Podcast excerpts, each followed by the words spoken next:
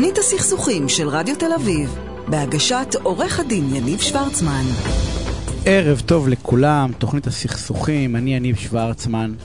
מי אמר שאסור להפר את החוק? בימים האחרונים אני שומע את נשיא המדינה אומר שהקריאה של חבר הכנסת עידן רול, נדמה לי, שלא להישמע להוראות על הסגר, זו פגיעה בדמוקרטיה. יש לי הרבה הערכה לנשיא, אבל הוא טועה וטועה בגדול.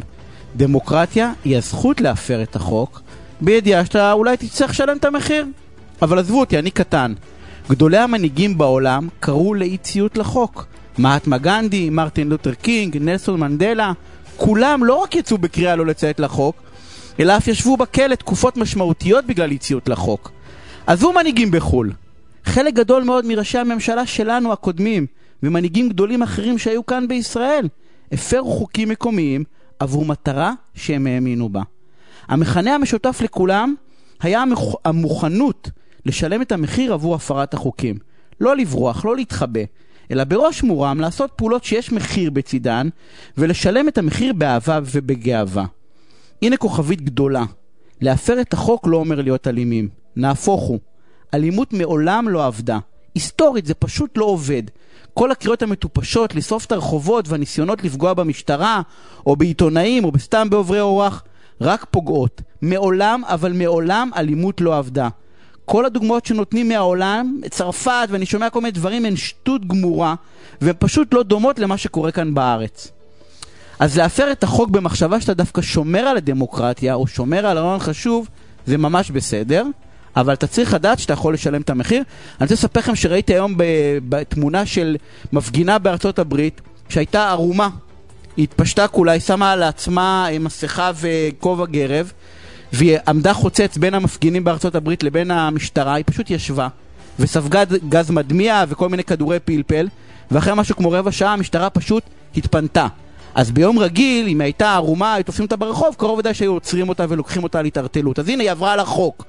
אבל היא עברה על החוק והיא הצליחה כעובדה שהמשטרה הלכה. אז אפשר להפר את החוק, רק צריך לדעת שצריך לשלם את המחיר. הערב אנחנו נדבר על מי אמור לקבל את מענקי הקורונה עבור הילדים אצל הורים גרושים, על קמפיין הלגלוג של אני שולמן, של העצמאים, על ניהול משא ומתן רק על כסף, האם זה בכלל אפשרי לדבר רק על כסף, על איך לשמור ולהגן על uh, רעיון שיש לי שלא יגנבו לי אותו, וננסה סוף סוף לסיים את הפינה על איך למנוע סכסוכים, והנה אנחנו מתחילים.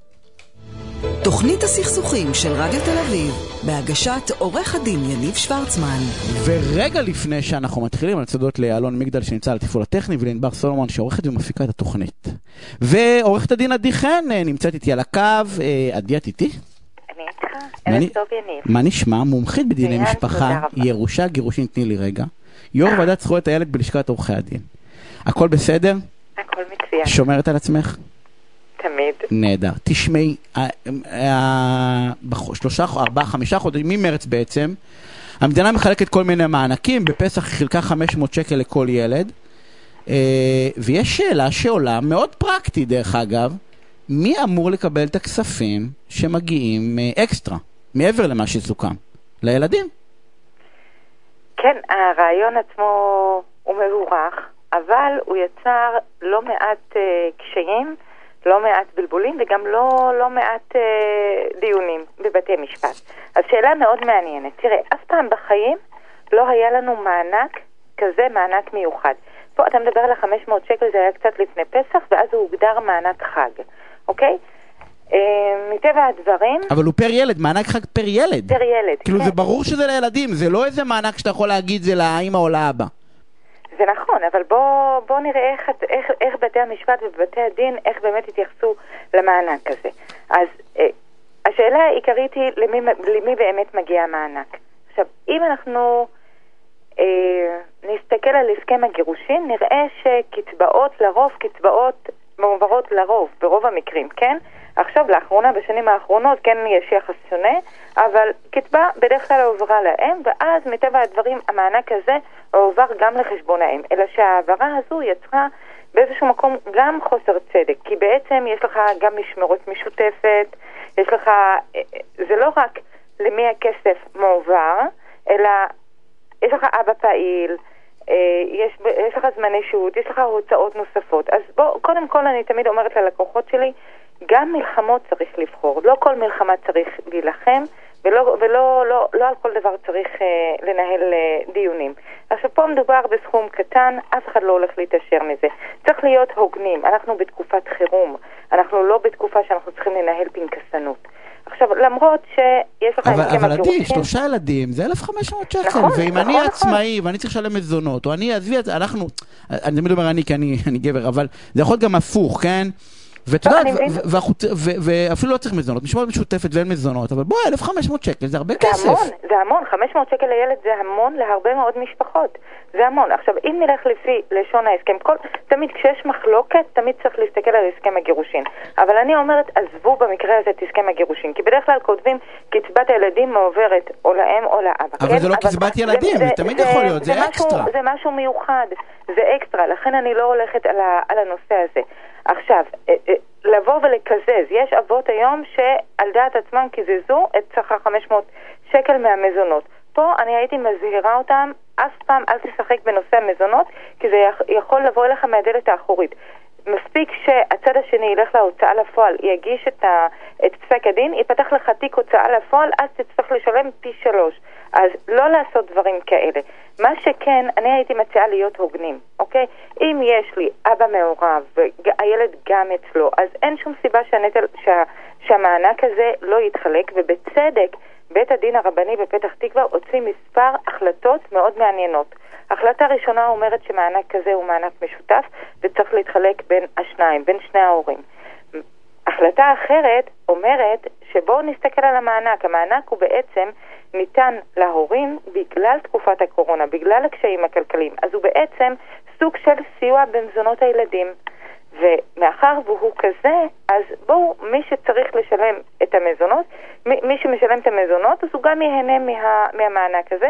באותו מקרה, בית הדין קבע, מקרה מאוד מיוחד, שהאבא יקבל 80% מהמענק, למרות שלא היה אה, במצב של משמורת משותפת. ואוקיי, ואת אומרת בית דין רבני, בית משפט לענייני משפחה אה, הגיעו אליו, אה, כי קיבל החלטות בעניין הזה, למיטב ידיעתך? אני לא ראיתי, אני לא ראיתי החלטות uh, כאלה של בית משפט למשפחה, אני ראיתי הרבה החלטות של בתי הדין הרבניים. הבנתי. אבל את- מטבע הדברים, תראה, אם, אם רוצים להילחם על זה... לא, אז- עלות מלחמה, לד- אני דרך אגב, שאפו גדול למי שנלחם על הדבר הזה, כי הרי עלות, עלות המאבק על הדבר הזה היא, היא, היא יותר, יותר יקרה מאשר המענק עצמו. נכון, אלא אם זה נכון. ויכוח עקרוני של הדבר. תראה, אבל- אבל, אבל המענק הזה, צריך להבין, המענק הזה, הילדים נמצאים בתקופת הקורונה בבית, זה היה, זה היה מצב של סגר, ואז אם הילדים נמצאים בבית, מי כמוך יודע, הפונקציה של הצריכה, של צריכת מזון, חשמל, הכל עולה, וגם בנוסף לזה, יש הורה אחד שהוא הורה שנמצא יותר עם הילדים. גם, גם פה כן, זה נכון שזה עולה, אבל. אבל ההוצאה הכוללת יורדת, שתדעי, בסוף, בשורה התחתונה, אתה, נכון. יש פחות, אין חוגים, אני יודע, אתה לא קונה להם כמעט נכון, בגדים. אתה גם מבשל יותר בבית, אתה לא בדיוק, קונה אתה לא, בחוץ. נכון, אתה אין סרטים, אין בילויים, אין דמי אין, יש הרבה דברים שנחסכים. לדעתי, בשורה התחתונה, לא, לא שאני מאחל סגר, אבל בשורה התחתונה הצריכה יורדת באופן דרמטי. גם יש לך פה הזדמנות מאוד יפה להורים באמת לשתף פעולה. כי אם אתה תראה לצד השני שאתה כן מוכן להתחשב בו, והנה ייקח חצי מהמענק, זה רק יעשה טוב בסופו של דבר. כי זה, יש בזה, נכון, זה כסף קטן, זה 250 לא, זה להיות שקל, לארג' זה להיות לארג' בכסף האמירה. קטן, זה טוב, זה אמירה. זה האמירה, מה בא מאחרי זה? הנה, אתה שווה בדיוק כמוני, גם אתה משקיע בילד, למרות שהילד יותר אצלי, אז אה, הנה זה, אני חושבת שזה דבר שיכול רק לתרום למערכת היחסים בין בני הזוג, וגם לי, לילד עצמו זה יותר טוב, שהוא רואה ששני ההורים משתפים פעולה מאוד יפה. זה גם לא הגון מצד אחד שאימא שמקבלת את המענק ורואה שהצד השני הוצא לחל"ת והוא לא עובד ואין לו מספיק כסף, ובכל זאת לעמוד על תשלום המזונות בשיעור מלא. פה אני, קשה לי לקבל את זה. אז, אז, בג, אז בגדול, אז, אנחנו אומרים ככה, הוגנים. אחד, אל תעשו דברים חד צדדיים, כי אחרת ייקחו אתכם להוצאה לפועל ואתם תצטרכו לרדוף אחרי בדיוק, זה עצמכם. מסוכן מאוד. לא שתיים, מי, ש... מי שכבר כן הלך לבית, לבית דין רבני לפחות, בית משפט אנחנו נכון. לא יודעים, אז, אז בית משפט, בית דין רבני אמר חד משמעית, זה מתחלק שווה בשווה, סלאש, אנחנו לוקחים בחשבון את מצב המשפחה. יותר במק- מזה, מי ש... בהחלטות אחרות, מי ששילם יותר מזונות קיבל אחוז יותר מהמענק. בעצם כי זה על חשבון המענק, אז אני אומר, אז בית דין רבני, מעניין מה בית משפט לענייני משפחה, אם היה רואה את זה באותו... אה, באותה דרך. ושלוש באה ואומרת, יש פה באמת הזדמנות חגיגית, גם להורים נכון. גרושים, אני אקרא לזה גם להורים גרושים מכוער, בסדר? גם להורים גרושים שהם אה, לא בהכרח שימו יפה, שיש הזדמנות על כסף קטן להיות לארג'ים, כן לעשות איזשהו שיתוף פעולה אה, אה, בנושא הזה. ויניב, לזכור, מלחמות זה כמו כל פרויקט אחר, מלחמה צריך לבחור. לא על כל דבר נלחמים. אה, זה נכון, אם כי, אני, אני מסכים, אבל יודעת, יש פה משהו בעיקר במערכות טווח אה, ארוך, שזה נורא נורא מרגיז. כי כמו שבאת ואמרת, אם, אם כאילו מישהו... אה, אה, בדווקא אין לי, אני, את הדוגמה שנתת על האבא שהוא בחל"ת, ובכל זאת כן. עומדים, עומדים כאילו, את יודעת שעד השקל האחרון ייכנס. זה נורא. אז, אז נכון שאתה, שאתה אומר, תשמע, לקחת עורך דין אחריו, או לייצג את עצמך, או לא משנה מה, בסדר, זה 1,500 כאילו שקל, אבל זה לפי 1,500 שקל ש... שאין לך, אין לך, אין לך אוכל במקרר. כאילו אנשים אנשים היום נמצאים בסיטואציה מאוד מאוד מאוד קשה. מילת המפתח היא הגינות, לפעול בהגינות כלפי הצד השני. אין לו עכשיו, אז בוא, תהיה לארג' איתו, תאפשר לו, תפחית לו קצת מהמזונות. אנחנו שוב בתקופת חירום, אנחנו לא בתקופה שגרתית ואי אפשר עכשיו לעמוד על המקח, ממש לא. אני, אני, אני דרך אגב, מה שאני לא עד הסוף, או שאני לא, אני לא, לא יודע איך מערכת המשפט ומערכת הדין הרבני, סלש לשכת עורכי הדין, וזאת אולי קריאה, כן. לא עשו מנגנון שיכול שיש לבני הזוג למי לפנות. כי היום, את יודעת, אם בן הזוג אומר לך לא, אז או שאתה מחליט לריב או שאתה מחליט לא לריב, אבל כאילו אין לך איזשהו מנגנון שבא ואומר, אנחנו מבינים את הסיטואציה, אנחנו מבינים שמצד אחד מדובר בכסף קטן, מצד השני הכסף הקטן זה בדיוק האוכל של ה... את יודעת, השכר דירה שלי, כאילו זה לא שאני... אה, אה, נכון. מתפנק במשהו. זה אה, מעניין, יניב, כי אני בהקשר הזה... אנחנו משפט אחרון, כי אנחנו חייבים כן, לסיים. אני כתבתי אה, מאמר שתקופת הקורונה היא תקופה מיוחדת, ולכן צריך לחשב מסלול מחדש, ועל בתי משפט כן לפעול להפחית את המזונות בגלל תקופת הקורונה. ואני, אבל ככה, אפילו ברמה לא התהליכית צריך לעשות את זה נכון, אנחנו חייבים... לא התקבלה. עדי, אנחנו יכולים לסיים, שערב אוקיי. מהמם, אוקיי. ואני רוצה להגיד, בידי, שערב טוב, אני רוצה להגיד שלום לדוקטור אסנת רות כהן, חברת סגל בכיר, בית הספר לתקשורת באוניברסיטת אריאל. אהלן אסנת. אהלן אהלן. מה העניינים? בסדר. תשמעי, אנחנו נעשה את זה ככה, אני אציג לאנשים את הנושא שלנו. ותתקנו אותי אם את טועה, דרך אגב, אני אשתף את המאזינים שדיברתי איתך בבוקר, והאמת היא שהפכת לי קצת את המחשבה. אני לא חושב אחרת, אבל פתאום הבנתי דברים, אז בואו נשתף אותם. יש קבוצת עצמאים שנקראת אני שולמן. בראש הקבוצת העצמאים הזאת היא מאוד מאוד גדולה, יש דף, קבוצת פייסבוק של 200 אלף אנשים, עומד, ייסד אותה, אה, איש מקסים שנראה רב פעלים, בשם אביר קארה. לפני שבוע וחצי אה, היו כל מיני סימנים, טענות שהוא כאילו שת, במרכאות כפולות מטעם הממשלה, ביבי ושר האוצר. לפני שבוע וחצי אייל ברקוביץ' בתוכנית של אופירה וברקוביץ' תפס אותו מתכתב תוך כדי ראיון עם שר האוצר. ומאז אותו רגע, בסדר, שהוא עשה לו שם תרגיל, תרגיל, תרגיל בר, ב, ב, ב, תוך כדי ראיון, מאותו רגע השיח בתוך הקבוצה אה, הפך למאוד אה, אלים, מאוד תוקפני על זה שבעצם עושים על העצמאים איזשהו עוקץ, ושאביר הוא, אביר קארה הוא בעצם שתול של, ה, של הממשלה, של ביבי ושל אה, של השר כץ. והתשובה לזה, ועל זה אנחנו הולכים לדבר, זה היה כל זה רקע, את זה הכל אפשר לראות בפייסבוק, שום דבר חדש, ואנחנו הולכים לדבר על הקמפיין תשובה של, אה, אני אקרא לזה הקבוצה שמובילה את אני שולמן, שהוא היה קמפיין מלגלג, באיזה מובן? הם אמרו, אתם אה, ניזונים משמועות ואני אתן לכם את זה, והם כתבו המון המון משפטים כאלה כדי להגחיך את הביקורת. למשל, אה, גרגמל הציע לדרדה סבא, אתה שתול של חתול. אה, יוטיובר בכיר, אביר לא יודע פורטנייט. אה, אופ... אני יודע, סוכנות אה, ידיעות, אה, אביר סגר את הסיפוח עם טראמפ. אה, אביר נתפס מחטט באף בצומת בלפור. בקיצור, כל מיני דברים שמגחיכים את הביקורת, באים ואומרים, מה אתם מבלבלים את המוח, אתם מקשיבים לשמועות, ולי זה גרם תחושה נורא לא, לא נעימה, והנה עד כאן להגיד אם הקמפיין הזה, הוא קמפיין לגלוג, הוא קמפיין טוב כדי להשיג את המטרה להפריח שמועות. אז קודם כל זה קמפיין לגלוג. השאלה, לגלוג כלפי מי. ופה אה, הפכתי לך את התפיסה בעצם, כי לדעתי זה קמפיין לגלוג, אפילו קמפיין לגלוג לא רע בכלל, והמטרה שלו היא להגחיך את כל מי שמאמין בקונספירציה הזאת. אה, זה נכון, אה, ומי שראה את הריאיון אה, הפולשני משהו אצל אופירה וברקו, ראה שאביר לא ממש הכחיש. זאת אומרת, הוא לא אמר בצורה מפורשת ומלאה, אני לא משתף פעולה בצורה כזו או אחרת עם גורמים ממשלתיים. אבל הקמפיין בא להגיד, חבר'ה, אני אפילו לא צריך להגיד את זה בקול, כי זה כל כך ברור מאליו שיש כאן איזושהי מזימה שנועדה לקלקל ולהכפיש את כל המהלך המאוד מאוד גדול הזה שאנחנו הצלחנו להשיג עד עכשיו, אל תקשיבו לזה. ולדעתי, הקמפיין הזה הוא קמפיין הגחכה מאוד מאוד חזק. קודם כל, אין בכלל תמונות, אין תצלומים, אין ויז'ואלים, הכל הוא קמפיין מאוד מאוד טקסטואלי, מי שראה אותו אה, בפייסבוק, אותיות מאוד גדולות, מאוד מכירתי, ממש כאילו מודעה של קריים אוף בשקל, קצת ככה רמי לוי. והמטרה היא באמת לפגוע לקהל יעד של אה, אה, אני שולמן בול בפוני, להגיד להם, חבר'ה, אם אתם חושבים אחרת, אתם טועים, אני בשבילכם, אתם לא טועים. אתם טיפשים, סליחה שאני אומר את זה. מי, טיפשים, החבר'ה שלו? שטועים, מי? שטועה. מי שמלגלג עליי ככה, בא ואומר, נשמה, או אם אתה מאמין לשטויות האלה, אתה, בוא, אתה, בדיוק. אתה, מה, אתה ילד, כאילו... בדיוק. אם אתה אה, בתוך קבוצת אני שולמן, ואתה חושב שאני משתף פעולה, אתה טועה, והמטרה של הקמפיין הזה היא להראות שהציונים הם ברמת הפתטיות. זאת אומרת, הם כאילו אפילו לא שווים התייחסות. הם כותבים אפילו תדע- למטה את זה. סדרת, שמועה חד... סדרת שמועות חדשה שחושפת כמה זה פתטי. בדיוק, וזה הסגיר, זה בעצם סוג של סלוגן, הוא מלווה את כל הטקסטים השונים, זאת אומרת, הטקסטים משתנים, אה, יש שם אין סוף, אה, אחד האהובים עליי זה שהוא משווה את עצמו לפוטין והם משחקים ביחד אה, קרב הגודלים. אביר ופוטין נתפסו במהלך קרב הגודלים בכנסת.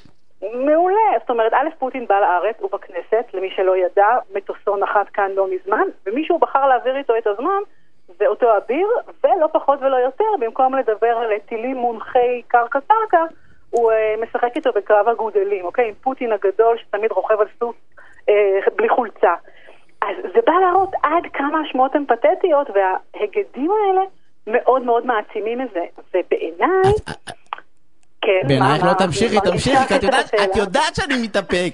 אמרתי לך כמה אני מתאפק בשיחה שלנו, אבל בעינייך תמשיכי את זה, בשביל זה את אז פה. כן, אני אתן לך, אני, אני, אתן, אני אקפיץ אותך עוד קצת, שבעיניי, לא רק שהם מגחיכים את השמועות בצורה כזאת קיצונית, אלא אפילו מה שעושה פה אה, אה, אביר, הוא משדרג את עצמו. זאת אומרת, הוא שווה ערך לפוטין, הוא שווה ערך לטראמפ, נכון? אמרת גם את המשפט על טראמפ. נכון. הוא בעצם מעלה את עצמו ליגה, חבר'ה, אני לא סתם עוד איזה חוכמולוג שמנהל קבוצת פייסבוק. אני בעצם, אני בעצם אה, אשווה ערך למנהיגים פוליטיים מהדרגה הראשונה. אז אתם חושבים שאני עושה קונספירציות? במאמר מוסגר, לפני שאתה נדלק סופית, אפשר לזכור שמנהיגים שהוא הציג, טראמפ ופוטין, יש מולם אינסוף קונספירציות על הדרכים שהם זכו בבחירות, אוקיי? ועל ההתנהלות שלהם. נשים את זה בצד, נראה לי זה כבר ניתוח... אני, אה, אה, קודם כל, לא, זה לא. ניתוח, כנראה עשו סביב הקמפיין הזה חשיבה מאוד מאוד מאוד עמוקה. ולמה עשו חשיבה מאוד עמוקה? וזה היה השיח, ואני לא אגרור אותך רגע לשיח הפוליטי, וזה דרך אגב מה שהפכת אותי, כי אני העליתי פוסט ואמרתי, תגידו, מי הדביל שלי, סליחה שאני אומר את זה, מי הדביל שהעלה את הדבר הזה? ואת אומרת לי, זה גאוני. כאילו, גאוני במובן של פגעו, פגעו באנשים, פגעו בצבעים, פגעו בהגחכה, פגעו בהכל. ואותי זה כאילו הדליק, אני אומר, יש דבר אחד שאין שם. את ההודעה. את ההכחשה, את ההכחשה שיגיד כן. אני לא, ההכחשה כן. שיגיד, זה גם מה שאמרת לך, יגיד אני לא, וזה כל כך פתטי, ובגלל זה אני הולך להגחיך את זה. עזבי אפילו באופן ישיר. אין אז בוא הכחשה. רגע נדייק, בוא רגע נדייק במונחים. זאת אומרת, כשאתה אומר פוגע, ההתייחסות שלנו כפרסומאים זה בעצם בחירה בקהל יעד. ומה שאנחנו אה, יכולים ללמוד מהקמפיין, שבעצם החבר'ה של שולמן, אביר ומי שישב איתו ככה בסיור מוחות, אמרו, אוקיי, אנחנו חייבים קמפיין שיהיה מאוד מאוד ברור שהעניין הזה הוא טיפשי לחלוטין, וכל מי שמאמין בו, אז איך אומרים, אה, אה, יום טוב לו, יש כזה משפט... אה, כן, אה, אה, ת- ת- כן, כן, יום טוב, שיהיה לו. יום טוב, כן, משהו כזה. בדיוק, כן. מי שלא טוב לו, יום טוב לו, נכון, מי שלא טוב לו, יום טוב לו. שלום וביי, זאת אומרת, אני לא צריך אתכם איתי, זאת אומרת, הוא מראש עשה איזשהו את- פיתוח של מי את קהל מבינה היעד. אבל את האמירה? כאילו זה מה שמזעזע אותי. כי, כי זאת אמירה של מנהיג. מי שרוצה להוביל, זאת הבעיה, זאת, כי זה, מזה אני כועס. זה כאילו אם אני מבקר אותך, אז, אתה, לא- אז זהו, אז גמרנו, אז אנחנו בברוגז עכשיו, אז אתה מלגלג עליי? כי אני אז מבקר אותך? כי אני חושב שאתה שתול? תגיד לי לא, תבוא פה איתי, תריב איתי. אז תראה, יש פה כמה פאזות. אחד, אנחנו מדברים על זה. זאת אומרת, דיברנו על זה כשראינו את התוכנית, אנחנו ראינו ככה את כל ההשתלשלות של הטוקבקים והפוסטים אחרי זה, והנה אנחנו עושים פולו-אפ לקמפיין תשובה שהם עשו. זאת אומרת, כל עוד מדברים על זה, אני שולמן נמצא בכותרות. זה מה שהם רוצים. זה דבר אחד. עכשיו השאלה אם השיח מישהו פעם אמר לי, סליחה שאני מתפרץ, למרות שאין כן. הרבה, מישהו אמר לי, תחטוף תינוקת, תהיה בכותרות. אין בעיה, השאלה באיזה, באיזה, את יודעת, כאילו סליחה שאני אומר את לקחת זה. לאקסטרים, לקחת את זה לא, לא, מישהו בא ואמר אתה יודעת לא בכותרות אין. בעיה, היח"צ הכי טוב, תחטוף תינוק. אבל אני בא ואני אומר, השאלה, לא, הם לא לקחו את זה לאקסטרים. אבל אני, אני בא ואני אומר, אין בעיה שאנחנו מדברים על זה, אבל אנחנו ממשיכים את את השמועות. כאילו, פרסומאי רגיל בא ואומר, אל תקנה את החולצה שלי כי עוררתי אצלך, זה אין בעיה. אחרים יקנו. אבל אם אם ראית בפייסבוק, כאילו, פתאום נהיו תגובות שלא היו קודם. נכון, אבל כנראה שהם לקחו את זה בחשבון, וזה סיכון מחושב, ובסוף, אה, וגם אני חושבת שזאת התשובה לשאלה אה, שלך, הגנבת דרך אגב, למה אין את ההכחשה הגורפת, מהסיבה המאוד פשוטה, אנחנו לא צריכים לתת לצרכנים שלנו את הכותרות בתוך הפרסומת. זאת אומרת, אני לא צריכה לפצח להם ולפענח להם את המסר ולהכיל אותם בכפית. החבר'ה חושבים שאני שולמן וכל העוקבים הם אנשים אינטליגנטים, הם אנשים חכמים, הם יכולים להבין דבר מתוך יש דבר. לנו עשר שניות, אנחנו חייבים לסיים את הפינה. יש אמר- מי שיגיד שאנחנו תמימים, שיגיד. אה, אז אבל אנחנו- הבא, לא? אבל אנחנו לא, אנחנו לא. תמימים. אה, אנחנו כנראה נעשה follow-up לפינה הזאת, אנחנו חייבים לסיים ולצאת לפרסומות. אסנת, אני רוצה להודות לך על הפינה המעניינת הזאת, אה, ואנחנו, שיהיה ערב מהמם. תוכנית הסכסוכים של רדיו תל אביב, בהגשת עורך הדין יניב שוורצמן. חזרנו. אה, לנושא הבא, רואה חשבון שלומי כהן, מפרגן כהן ושות' רואה חשבון. אהלן שלומי, מה נשמע? היי יניב, מה שלומך? אתה בדרך כלל איתי פה, אבל הקורונה גזרה עלינו להתגעגע מרחוק, אין מה לעשות. זה כל כך מוזר לדבר בטלפון ולא להיות שם. אבל בסדר. ייגמר שנה, שנתיים, שלוש, ואנחנו חוזרים לשגרה, אה, שלומי. תשמע, אין לנו, 40 שנה. אין לנו הרבה זמן. אני רוצה, יש נושא שהוא סופר מעניין בעיניי, אתה איש כספים, אתה רואה חשבון, אתה מתעסק הרבה מאוד עם מספרים וכספים, גם עם אנשים כמובן, אבל, אבל, אבל הליבה כאילו ב, היא ב, במספרים. ו, ויש לי שאלת אה, המיליון דולר, האם לדעתך אפשר לנהל משא ומתן רק על כסף? האם אני יכול ללמד את עצמי, לנתק את עצמי רגע מה, מהרגש, לעשות נוסחה מתמטית, להגיד זה מה ששווה לי, ו, ו, ועל זה לשאת ולתת. אז אה, אני, אני אתחיל מזה שקודם כל זה באמת שאלת מיליון הדולר. זו שאלה שלוקחת אותנו, משא ומתן לוקח אותנו לכל החיים, גם מהצד הרגשי וגם מהצד הכלכלי. כלומר, איך שאתה קם בבוקר, אז זה משא ומתן על הילדים, מי עושה מה, ואתה יודע, מפה גם בעבודה, אז אתה רוצה העלאת שכר, אז גם משא ומתן על העלאת שכר. אז משא ומתן זה, זה אומנות, זה כמו צייר, זה אומנות. אמ, וכמובן שבעל מקצוע טוב ידע לעשות משא ומתן, לא מהמקום הרגשי, אלא מהמקום המספרי.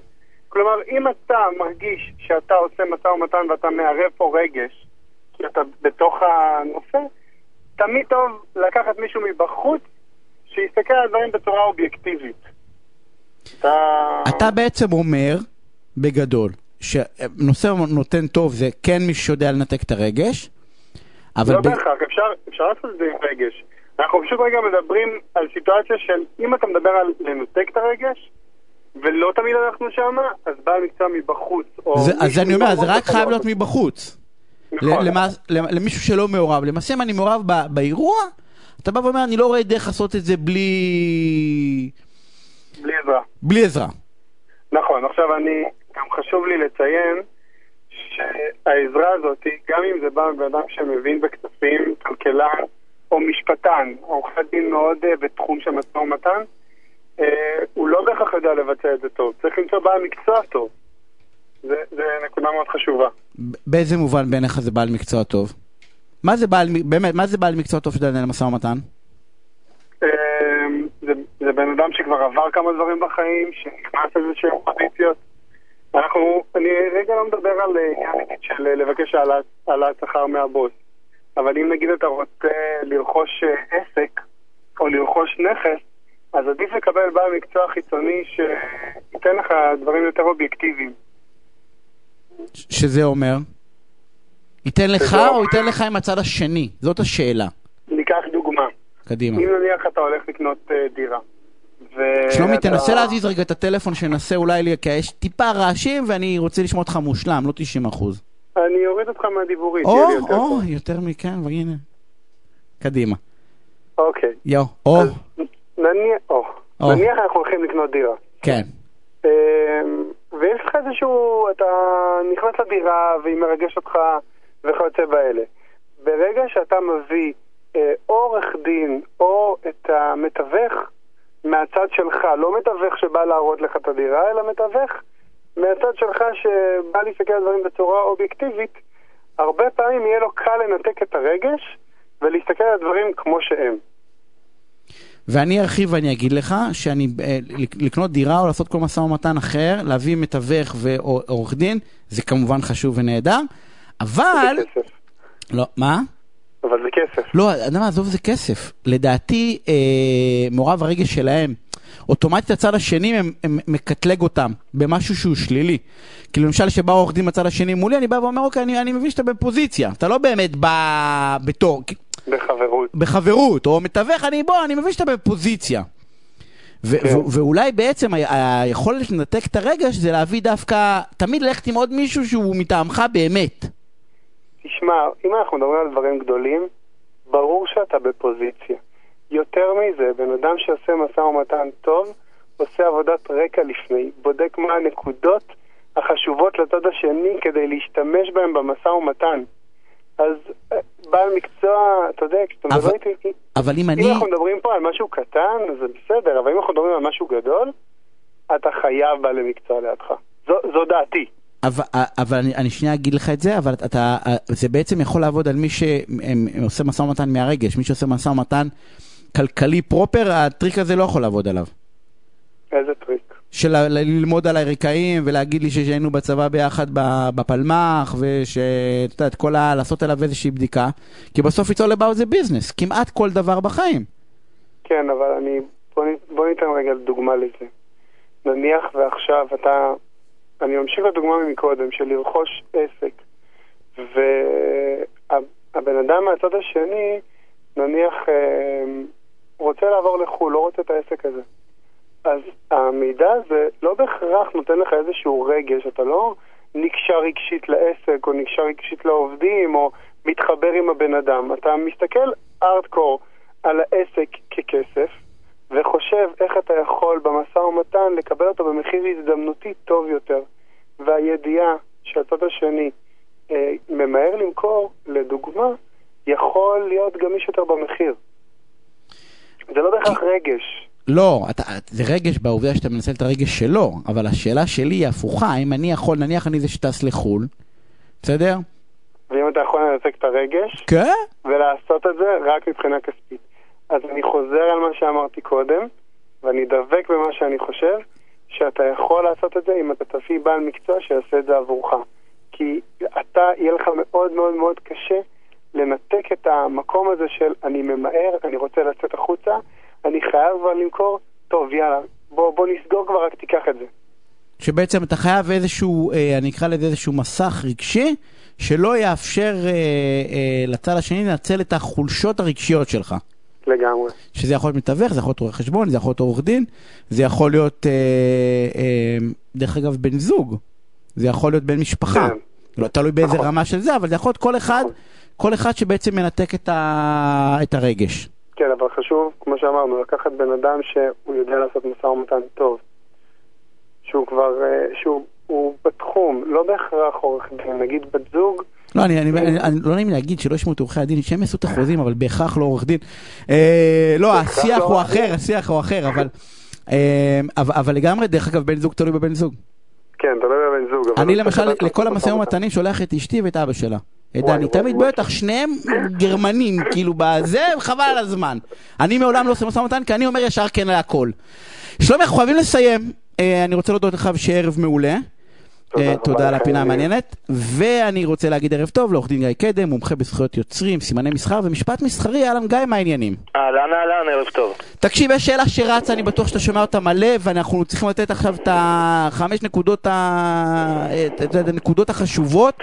לשאלה הבאה, יש לי רעיון, אה, אני אני אקריא לך דרך אגב, זו שאלה אמיתית, זה לא, זה ממש שאלה ספציפית, זה לא נושא. ככה, יש לי רעיון למוצר נראה לי גאוני בתחום הצריכה, עשיתי כמה שרטוטים, זה מדגם כנראה, או דגם, ואני רוצה להתחיל לחפש משקיע או שותפים, שמעתי כבר סיפורי אימה על רעיונות שנגנבו, שותפים שברחו, משקיעים שלקחו, בקיצור לא יודע מה לעשות, איך אני מגן על הרעיון שלי? איך אנחנו מונעים את הסכסוכים העתידיים, גיא? אז, אז זו באמת שאלה ששואלים הרבה, וזה לא שאלה שהיא אה, מנותקת מהמציאות. עכשיו, הדבר ראשון צריך להבין, וכמה שזה יישמע מוזר, שרעיון מעצם הגדרתו לא מוגן. זו המציאות. ההגנה היא לא על הרעיון, ההגנה היא על הביטוי של הרעיון, על האופן שבו הרעיון מתממש במציאות. אתן לך דוגמה. יש עכשיו רעיון לתוכנת GPS שעושה ניווט קהילתי, בסדר? עכשיו, לי יש רעיון כזה, אולי גם לך יש רעיון כזה. אתה יודע מה? יש גם חברה שקוראים לה Waze, יש לה רעיון כזה. כל אחד יכול חוקית לקחת ולממש את הרעיון הזה איך שהוא רוצה, באופן מקורי ועצמאי. כל אחד יכול להשתמש ברעיון של האחר. אבל מותר לי לקחת את הרעיון, אסור לי לקחת את האופן שבו אני, אתה, Waze מבטאים את הרעיון באופן המקורי שלהם. לדוגמה, אסור לי להשתמש בממשק משתמש, אסור לי להשתמש בקוד, אסור לי להשתמש בבסיס הנתונים. האופן שבו כל אלה מבוטאים, זה מוגן בזכויות יוצרים. בזה אני לא יכול להשתמש. אני יכול לקחת את הרעיון, אני יכול לבטא אותו באופן עצמאי, אסור לי לקחת את הביטוי. איפה הבעיה?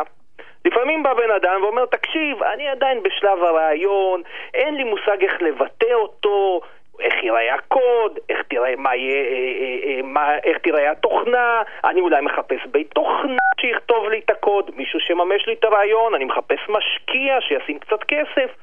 אם אני אגלה להם את הרעיון, אז יאמרו לי, תשמע, זה רעיון, זה לא מוגן, כל אחד יכול להשתמש בזה. אם אני לא אגלה להם את הרעיון, אז מה עשיתי בזה? במקרה כזה אני אומר, תחתום על הסכם סודיות. תייצר לך הגנה באמצעות חוזה. בחוזה יהיה כתוב, אני ככה וככה, הוצג לי רעיון כזה וכזה, אני מתחייב לו להשתמש בו, ואם אני משתמש בו, אני משלם פיצוי. אתה, אתה מרשה להיות פרקליטו של השטן, נכון? אהלן וסהלן. אבל הרגע גמרת להגיד לנו רעיון לא, אה, אי אפשר לשמור אותו, איך אני יודע שהוא לא הולך ועושה את זה באמצעות צד ג'? תראה, כשאתה מחתים אותו על הסכם, אז אתה אומר, תראה אדוני, אתה לא עושה, את, אתה לא משתמש לבד, אתה לא משתמש באופן ישיר, אתה לא משתמש באופן עקיף, אתה לא הולך ועושה באמצעות צד ג'. עכשיו זה נכון שלפעמים אתה צריך להפעיל איזה יחידת בילוש שלמה בשביל לעקוב אחרי אנשים אחרים. שאלת המיליון דולר היא להפריד בין הרעיון לבין הביטוי שלו, וזה לא תמיד קל. וככל שהרעיון שלך מתממש באופן אה, מוחשי יותר, זה לא משהו אמורפי שמסתובב אצלך בראש, אלא זה משהו קונקרטי. ביטאת את הרעיון בכתב, בנית תוכנה, כתבת ספר, יצרת יצירה, במצב כזה קל לך יותר להגן עליו. כל עוד מדובר על משהו שמסתובב לך בראש, משהו אמורפי, אתה בבעיה. אתה אומר לי, אם חשבתי על רעיון במקלחת, אז זה נהדר, אני יכול לחשוב שפיצר, שאני אקבל פרס נובל לשלום, זה לא מספיק. אספר לך זה בדרך כלל מה שאנשים חושבים, שיש להם את רעיון המאה. ברור, אני... באנו, ברור. אנחנו כבר מתחילים לדמיין איזה אי אנחנו קונים. ומה גודל המטוס שיקנו... אתה כבר עושה את האקזיט עוד לפני שבכלל השקעת שקל ראשון ברעיון. זה מרבית האנשים. אבל אני רוצה, אני רוצה לחדד עוד איזושהי נקודה. קדימה. לפעמים יש רעיונות שפטנט זה לא רלוונטי, אה, סליחה, שזכויות יוצרים לא רלוונטי לגביהם. מה רלוונטי לגביהם? פטנט. בדרך כלל מדובר על, אה, לא על תוכנה, מדובר על, אה, על מוצרים, על איזה שהם תהליכים תעשייתיים, נניח, אני לא יודע, מכונה, כלי עבודה, איזשהו אמצעי אלקטרוני. מה, מה, איך אני מגן אפילו עליו? מתלה כביסה. דרך אגב, ראיתי אפילו מתלה כביסה, נכון, מישהו פיתח איזה רעיון גאוני שאני עכשיו נכון, בדיוק ראיתי. אפילו מתלה כביסה. איך אני מגן עליו? קודם כל, לפני שאני הולך להגן עליו, אני צריך לראות אם זו בכלל המצאה ששווה אה, בכלל להשקיע בה זמן וכסף. האם זה מה שנקרא בז'רגון המשפטי המצאה קשירת פטנט, המצאה פטנטבילית. עכשיו, מה זה בעצם המצאה פטנטבילית? מה, מה, מה, מה זה המונח הזה?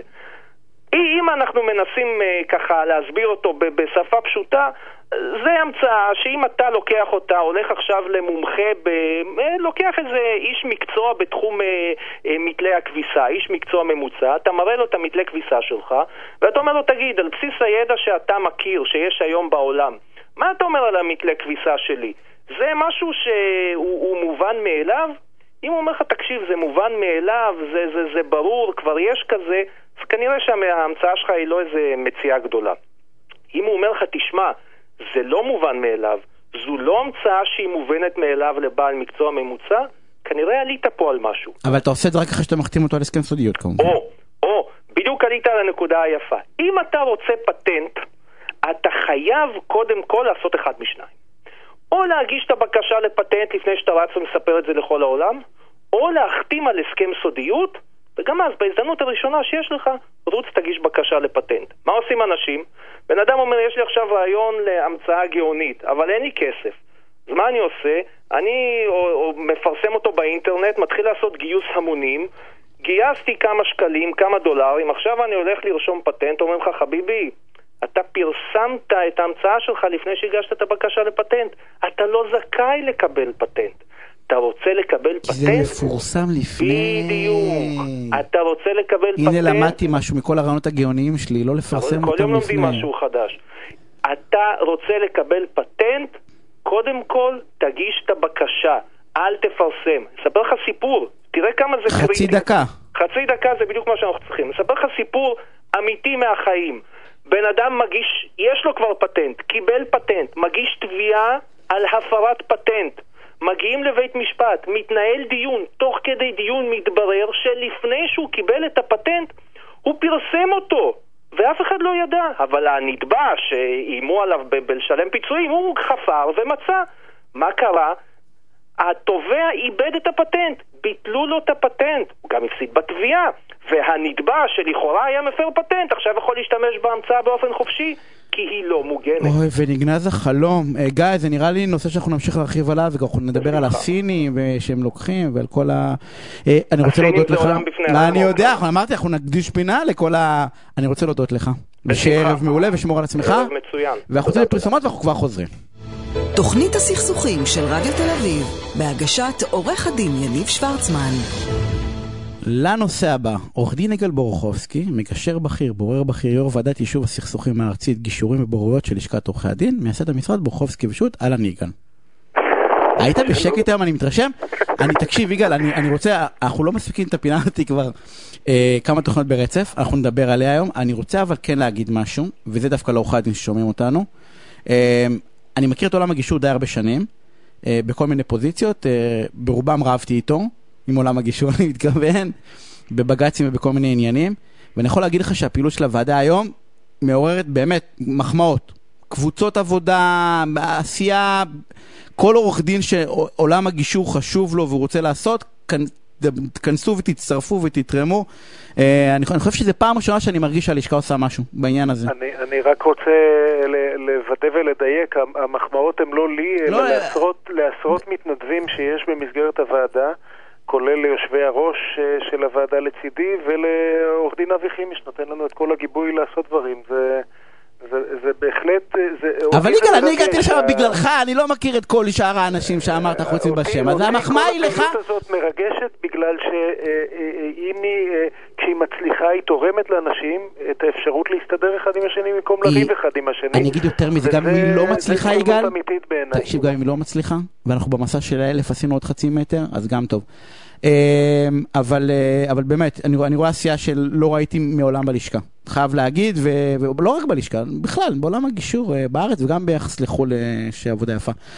אמ, תשמע, אנחנו התחלנו מזמן לדבר על איך מונים סכסוכים עסקיים, ואנחנו עשינו חלק ראשון, שזה חלק של האירוסין, קראנו לזה, של החגיגה, ואמרת, ואני מצטט אותך, לחלום כאילו אין גירושין, כי אם לא, לא נעשה עסק אף פעם, ולהתכונן לגירושין כאילו אין חלום. נכון. כי אנחנו רוצים להתחתן עם מי שיהיה בסדר, גם אם נתגרש ממנו. נכון. וממש מפתה אותי לשאול אם זה גם בחיים האמיתיים אתה עושה את זה, של, הג... של, הג...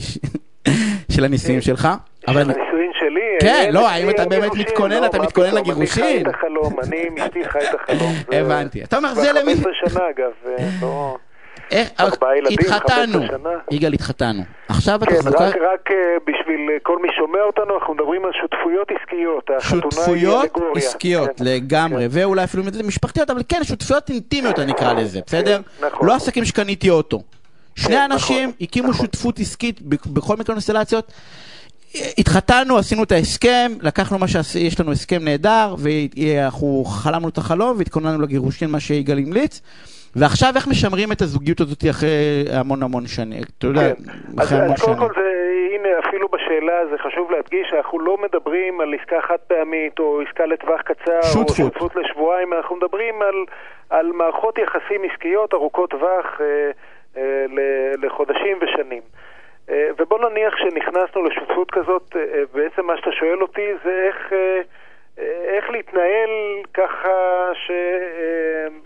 איך להתנהל בחוכמה, בלי, בלי לפוצץ. איך לא לריב? כי הרי נכון? הסיכוי שנריב הוא סוג של גבוה סלש מוחלט, איך, כן, איך לא רבים? אתה יודע מה, אני אפילו, אני אפילו לא מוכן, לא, לא חושב שהיעד שלנו צריך להיות אה, לא לריב, אבל איך... לא לפוצץ. כי לא לריב זה נשמע לאנשים לוותר על האינטרסים שלך ולהכיל, אה, להדחיק ולוותר לצד השני. יגאל, איך לריב בכיף? אני רוצה משותפים כן, שלי, איך רבים בכיף?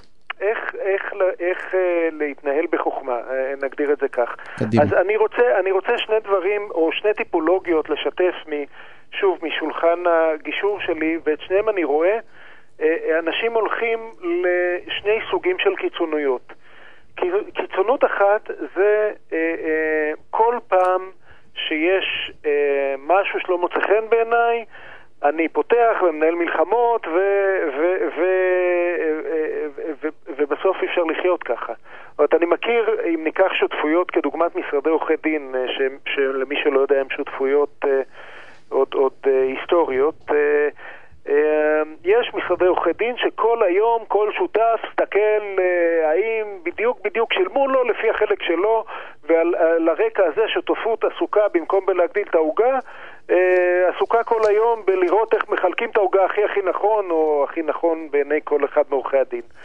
ו- וכשזה המצב, וכשזה לוקח יותר מדי פוקוס, אה, העיסוק בחלוקת העוגה, אז, אה, אז זה, זה מזיק לשותפות, רבים כל היום, ובסוף שותפויות כאלה מתפרקות, או גם אם לא מתפרקות, האנשים הטובים לא רוצים להיות שם, כי הם רוצים להיות עסוקים בפעילות ובעבודה ולא במלחמות יהודים כל היום.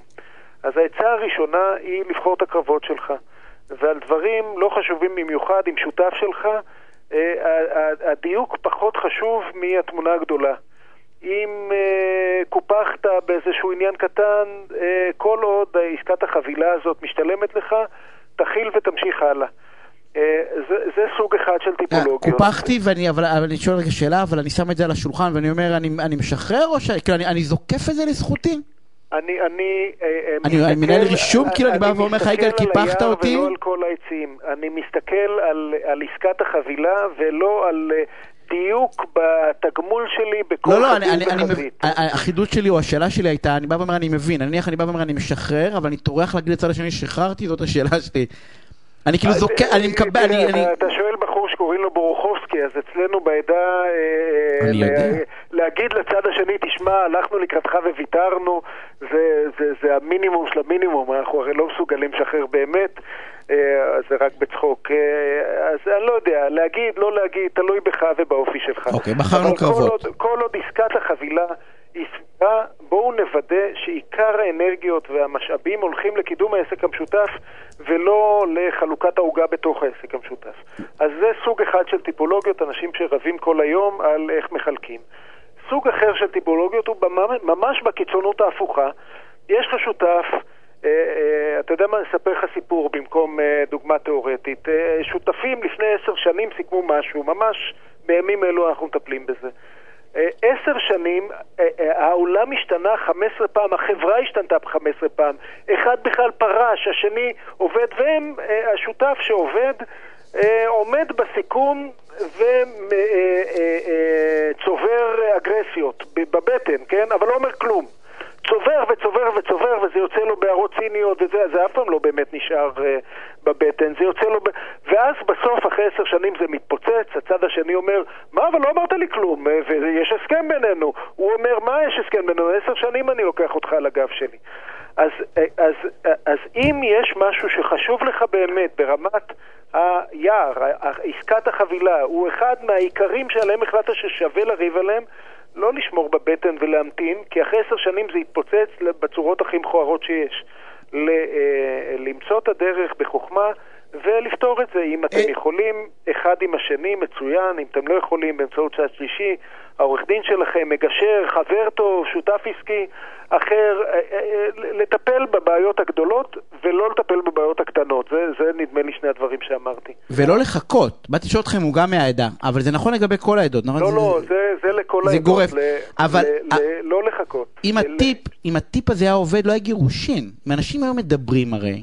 אתה יודע, אנשים מתפתחים, הרי למה יש גירושין? כי אני התחתנתי עם מישהי, ואז עברו 15 שנה, ואנחנו לא אותו בן אדם, כמו שהחברה לא אותה חברה, אבל לא טרחנו לדבר על זה שאנחנו לא אותם אנשים, כמו שהוא לא טרח להגיד לשותף שלו שאני סוחב אותך על הגב. נכון, אז, אז זה חשוב, חשוב להבין, הסכמים, או כשהם בהסכמים ארוכי טווח במשפטים קרויים הסכמי יחס. הסכמי יחס אפילו לפי דין, הדין אה, מאפשר אה, לשנות אותם כדי להתאים אותם לנסיבות.